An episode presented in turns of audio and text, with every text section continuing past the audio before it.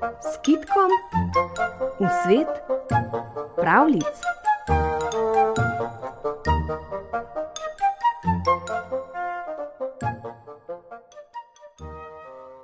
Janko Polenko in Zmaj. Nekoč sta živela tesar in njegova žena in nista imela otrok, a žena si je tako zelo želela otročička, da je prosila moža, naj ga naredi vsaj iz lesa. Res je izrezljal majhnega lesenega fantička. Žena ga je položila v zipko, zapela mu jo spavanko in glej, fantiček je oživel. Dobil je nenavadno ime Janko Polenko. Ko je Janko dopolnil dvanajsto leto, je začel loviti ribe. Vsak dan je odveslal na širno morje in tam ribaril vse dan. Le opoldne se je vrnil na breh, ko je mati prinesla kosilo in mu zapela tako lepo, da jo je slišal, kjerkoli je že bil. Nekega dne je kakor ponavadi zaslišal materino pesem. Priveslal je k bregu a na bregu ga ni čakala niti mati in niti kosilo. Iz zelenja je skočil zmaj, ga pograbil in ga odvlekel s seboj. Pa te imam, pa te imam, je med potjo zadovoljno brundal zmaj in že oddaleč je zaklical svoji ženi.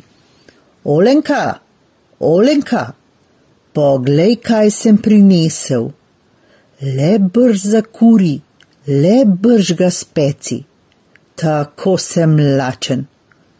Olenka ni oklevala. Brž je zakurila, potem pa se je obrnila k Janku in mu pomignila. No, le sedi na lopar, da te potisnem v peč. Janko pa jo je pogledal in nevedno vprašal. Na lopar? Kako se sede na lopar? Tega pa res še nikoli nisem videl. Ti mi pokaži. In ne boste verjeli, res je cela debela olenka sedla na črn lopar. Takrat pa ga je Janko zgrabil, potisnil ga je v peč in tako sta zgorela kar oba. Lopar in Olenka. Potem je Janko skočil proti vratom, domov je hotel, a koma je prestopil prah, že je zaslišal, da se zmaj vrača. Bolje, da splezam na drevo, si je rekel, tam me ne doseže. In urno kot veverica je zlezel na hrast, ki je rasel blizu zmajeve hiše privršal je zmaj, vstrašen in vslačen. Ustavil se je na pragu, vohal je sem in tja in na zadnje zagrmil. Diši, diši, polenkovo meso. Diši, diši, olenkino meso.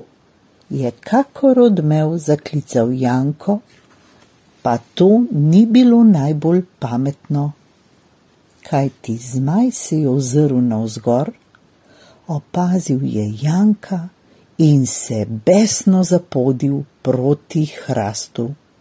Če bi mogel, bi ga kar prelomil, pa ni mogel. Zato je nad deblo planil z obmi in je glodal, glodal, da bi ga preglodal. Zdaj je Janka zaskrbelo. Pogledal je naokrog in nad sabo zagledal jato divji gosi. Goske, goske, goskice, sabo me odnesite, čez drevesa in še više, čisto do domače hiše, je zaklical Janko, a goske so letele naprej. Še huje je grizel zmaj in še bolj se je tresel hrast. Janko pa je zagledal drugo jato divji gosi in zaklical še glasneje. Goske, goske, goskice, sabo me odnesite, čez drevesa in še više, čisto do domače hiše. Nič. Tudi ta jata je letela naprej. Kaj je hotel Janko? Sesedel se je na vejo in čakal, da ga zmaj spet dobil kremplje. A glej, ko se mu je že zdelo, da mu ne pomaga čisto nič več, je iz daljave priletela še ena gos, ena sama. Spustila se je k Janku, ga vzela na peruti in ga odnesla naravnost pred domačo hišico. Oče in mati sta ravno sedla k večerji. Mati je žalostno gledala prece, in za večerjo delila kolačke. Enega meni, enega tebi, je govorila.